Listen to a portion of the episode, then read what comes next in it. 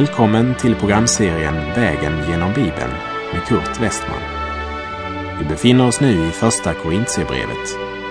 Slå gärna upp din bibel och följ med. Programmet är producerat av Norea Radio Sverige. Vi avslutade förra programmet med att Paulus gör det klart för de troende i Korint att det handlar inte om att kunna engagera massorna eller riva med sig folket, utan det gäller att predika korsets evangelium.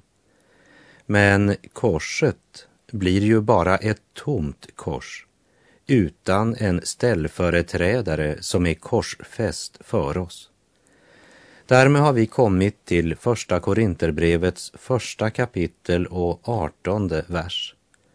Ty detta budskap om korset är en dårskap för dem som blir förtappade. Men för oss som blir frälsta är det en Guds kraft. Korset drar en skiljelinje mellan människor. Korset skiljer den frälsta från den ofrälsta. Men det skiljer inte frälsta människor från varann. Tvärtom korset förenar. I alla fall borde det göra det. En holländsk konstnär, han målade en tavla som kallades för den sista domen.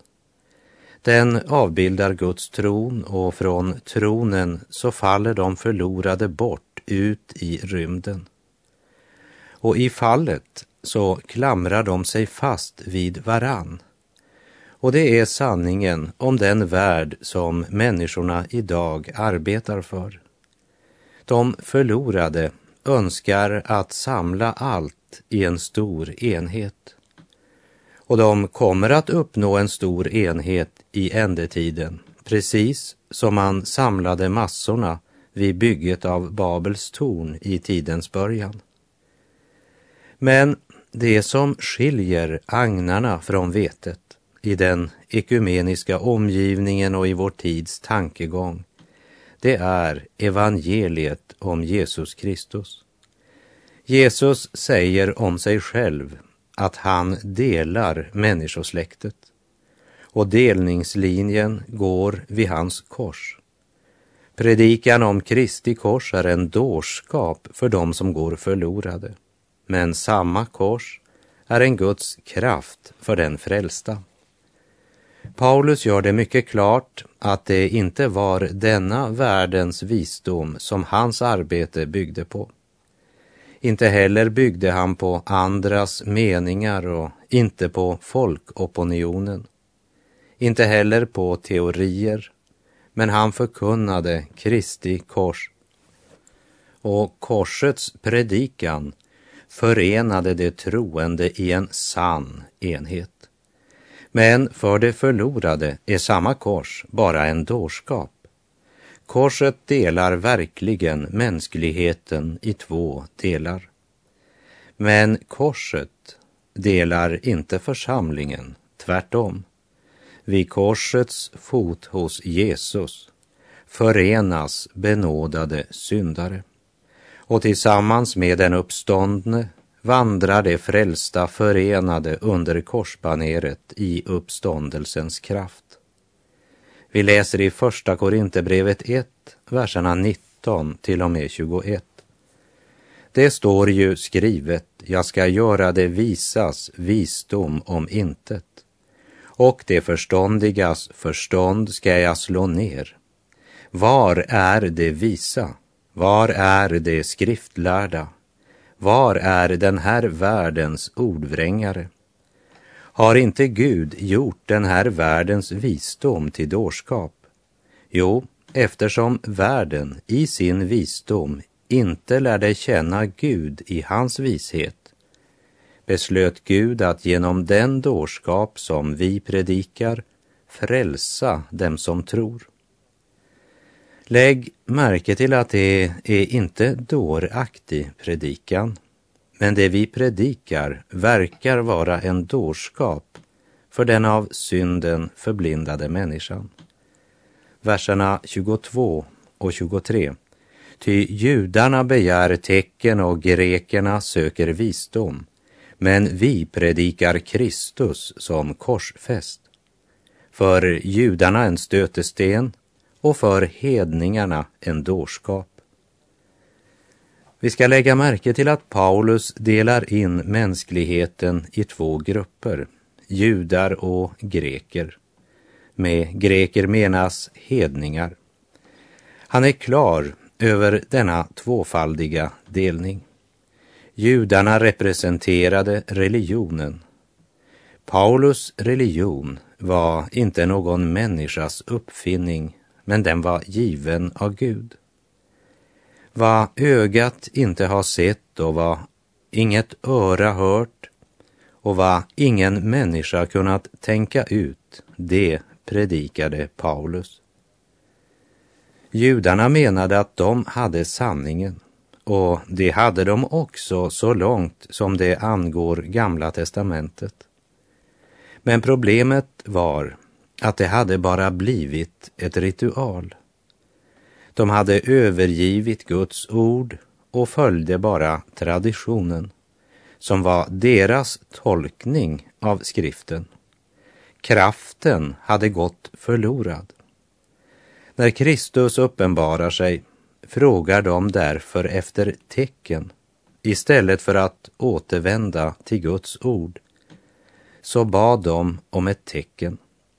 I Matteus kapitel 12, vers 38 till 40 står det Sedan sade några skriftlärda och fariseer till honom Mästare, vi vill se dig göra ett tecken.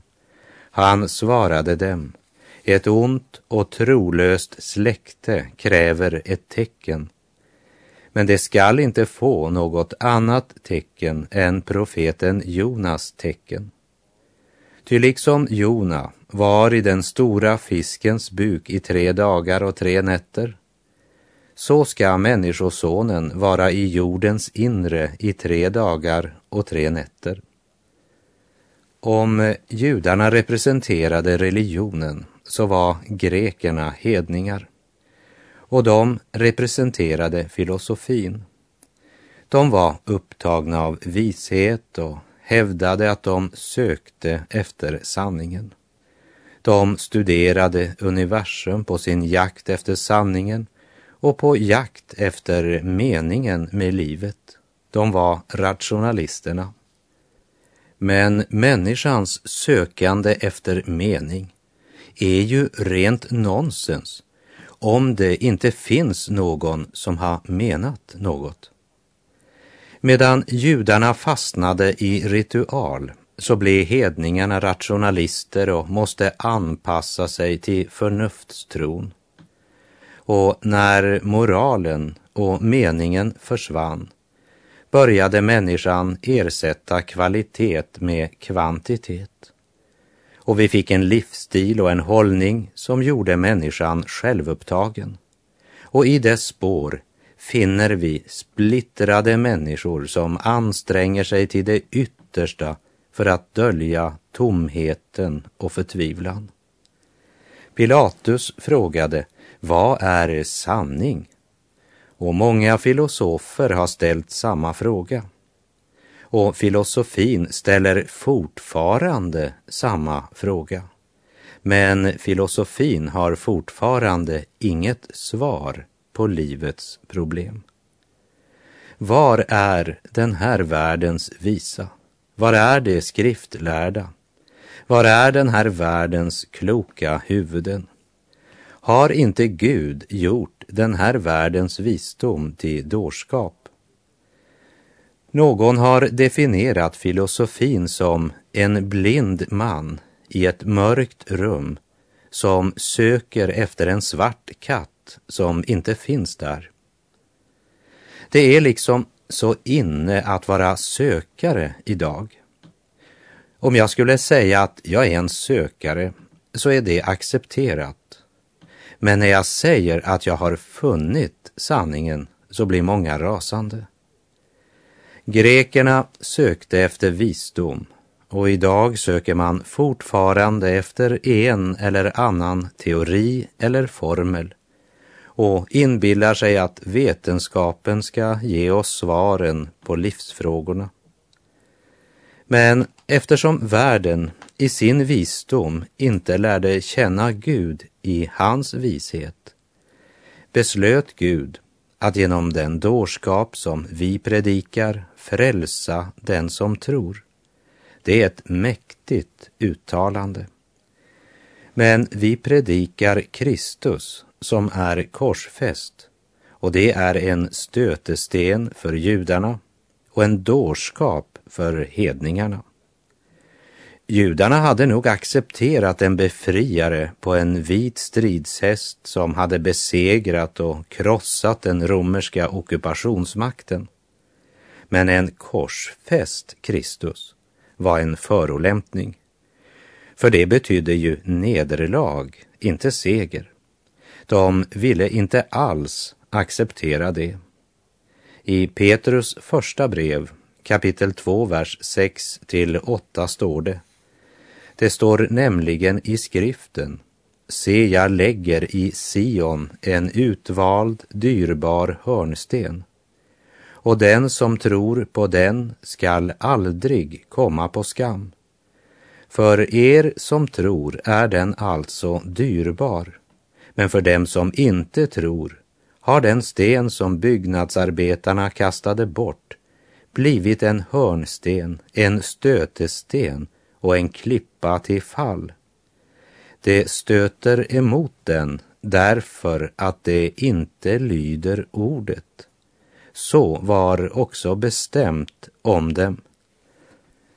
Men även om den korsfäste Kristus var en stötesten för judarna och även om korset var en dårskap för hedningarna så säger Paulus att han i Korint inte predikade något annat än Kristus och honom som korsfäst. Och än idag är det många som förkastar detta budskap. Människan förkastar det enda som kan rädda henne, samtidigt som hon inbillar sig att det är därför att hon är så klok som hon förkastar korset. Medan Gud i den fjortonde saltarsalmen säger Dårarna säger i sina hjärtan, det finns ingen Gud. Det människorna idag behöver är korsets budskap, men denna världens visdom har aldrig insett det.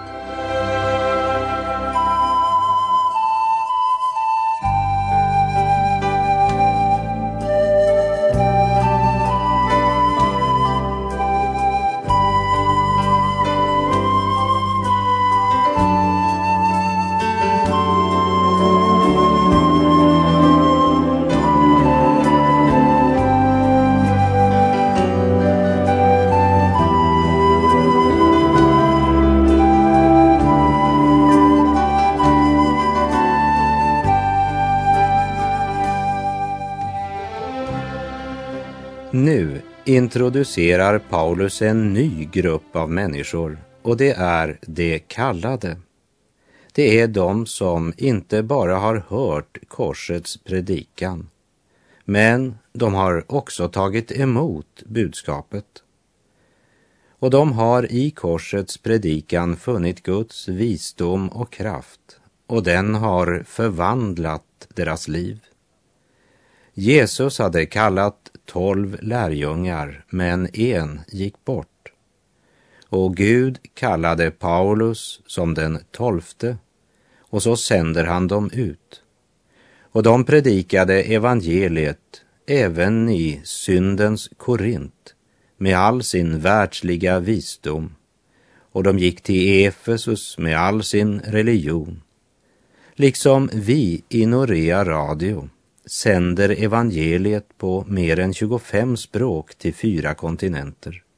Bland annat till Egypten, till Indien, Iran, Kina och även till Sverige genom programmet du just nu lyssnar till. Och evangeliet om den korsfäste och uppståndne Jesus Kristus är mänsklighetens enda verkliga hopp. Vi läser första Korinthierbrevet 1, verserna 24 till 26. Men för de kallade, både judar och greker, predikar vi Kristus som Guds kraft och Guds vishet. Ty Guds dårskap är visare än människor och Guds svaghet är starkare än människor. Bröder, se på er egen kallelse. Inte många av er var visa om man ser till det yttre. Inte många var mäktiga. Inte många av förnäm släkt. Somliga lägger stor vikt vid att den eller den betydelsefulla personen har blivit en kristen. Det kan vara en känd artist eller en stor industriledare eller en känd politiker eller idrottsman eller... Men Gud satsar huvudsakligen på genomsnittsmänniskor. Han kallar enkla och svaga människor som du och jag vers 27. Nej, det som för världen var dåraktigt har Gud utvalt för att låta det visa stå där med skam. Och det som för världen var svagt har Gud utvalt för att låta det starka stå där med skam. Det betyder inte att de var dåraktiga, men det innebär bara att de verkade dåraktiga i denna världens ögon. Och vi läser vers 28. Och det som för världen var oansenligt och föraktat, ja, det som inte var till har Gud utvalt för att göra till intet det som var till. Det som inte var till. Starkare än så kan det inte sägas. Det betyder att det inte fanns något hos dem att bygga på. Det som inte var till. Det är det David också har i tankarna när han i Saltarsalmen 51 och vers 12 säger Skapa i mig, Gud, ett rent hjärta och ge mig på nytt en frimodig ande. Att skapa betyder att frambringa av intet. Det finns ingenting att ta av, finns eh, ingen förutsättning. Därför måste Gud skapa. Skapa i mig, Gud, ett rent hjärta. Det som för världen var dåraktigt har Gud utvalt för att det visa ska stå där med skam och det som för världen var svagt har Gud utvalt för att låta det starka stå där med skam. Det som för världen var oansenligt och föraktat, ja, det som inte var till har Gud utvalt. Paulus var ju en man med stor visdom. Han var född i Tarsus, en av mindre Asiens förnämsta städer. En stad där både grekisk och orientalisk bildning förenades. Han blev satt i judisk skola redan vid sex eller sju års ålder. I Jerusalem var han utbildad till fariseisk skriftlärd och som han själv säger i Apostlagärningarna 22 vid Gamaliels fötter blev jag grundligt undervisad i våra fäderneärvda lag. Samtidigt lärde Paulus också under studietiden ett hantverk. Han var utbildad tältmakare.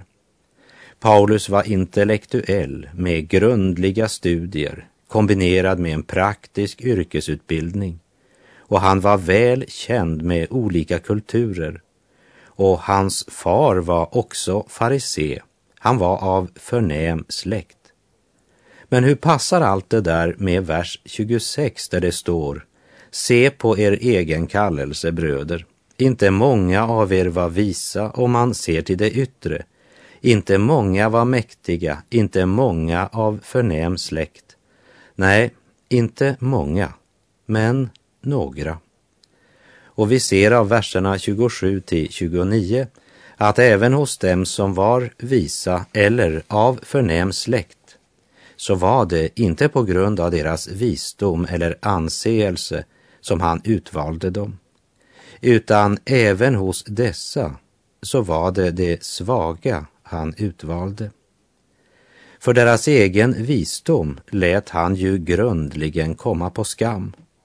Och det uttrycker Paulus så här i Filipperbrevet 3, vers 7 och 8. Men allt det som var en vinst för mig räknar jag nu som förlust för Kristi skull.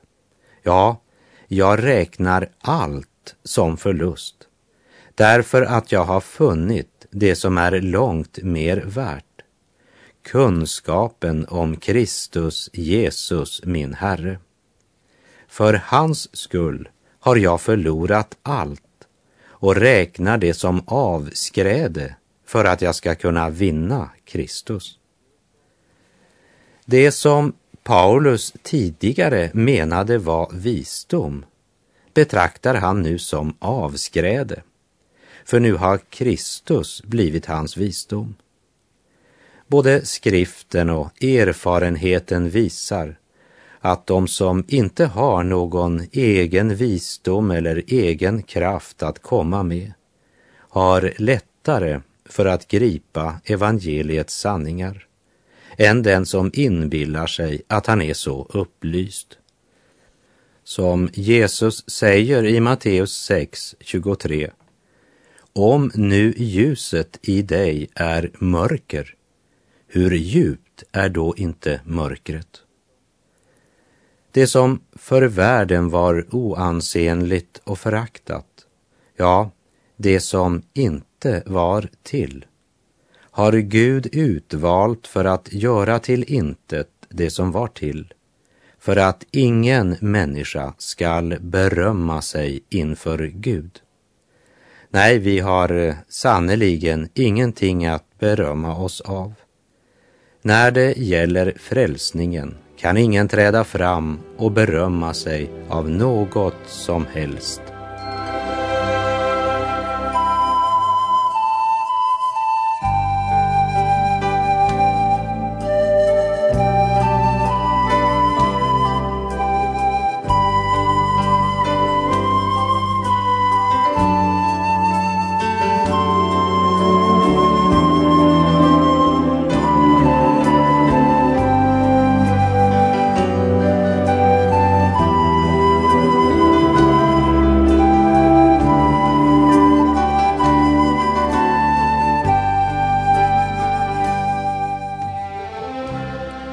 Ingen har något att berömma sig av inför Gud, sa Paulus. Och så fortsätter han i Första Korinthierbrevet 1, vers 30 och 31. Honom har ni att tacka för att ni är i Kristus Jesus, som Gud för oss har gjort till vishet, rättfärdighet, helgelse och återlösning för att det skall ske som står skrivet. Den som berömmer sig skall berömma sig av Herren. Här citerar han Jeremia kapitel 9, vers 23 och 24 där det står Så säger Herren, den vise må inte berömma sig av sin vishet.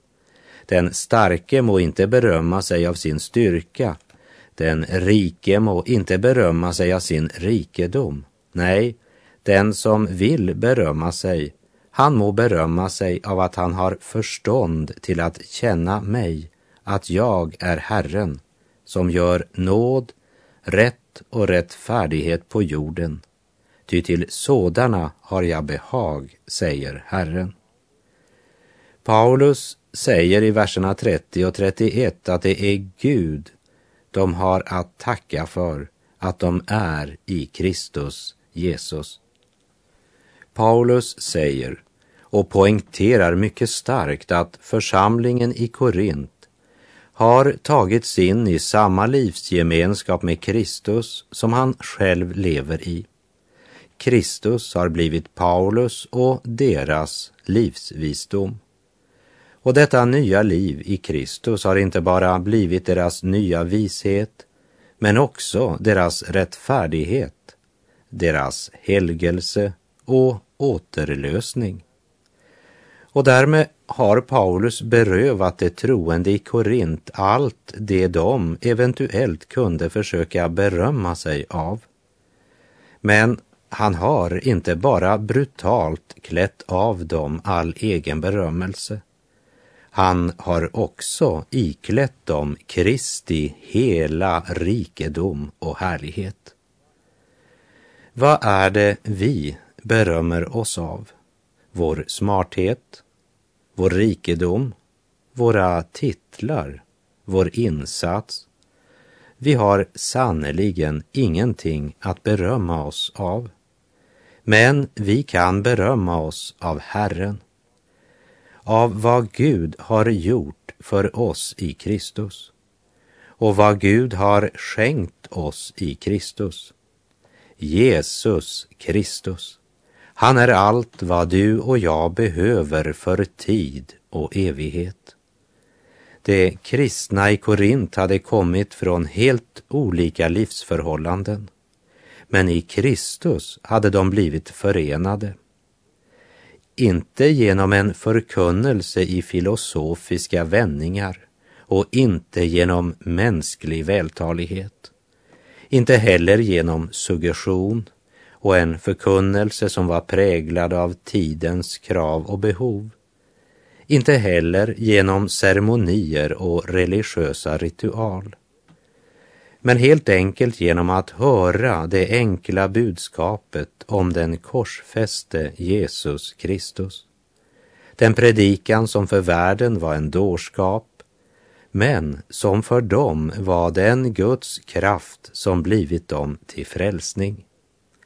Så blev mig uppenbarat att jag har barnarätt, ty Gud med mig i Kristus är försonad och jag som gått och grämt mig och undrat på vad sätt jag dock i domen skulle bliva skonad. Jag som uti min bättring, min ånger och min tro, min helgelse, min lydnad, ej någonsin funnit ro. Jag är ju nu i Kristus redan salig. Och med det så är vår tid ute för den här gången, så ska vi i nästa program vandra genom Första Korinterbrevets andra kapitel. Och till dess så säger jag på återhörande om du vill. Herren vare med dig. Må hans välsignelse vila över dig. Gud är god.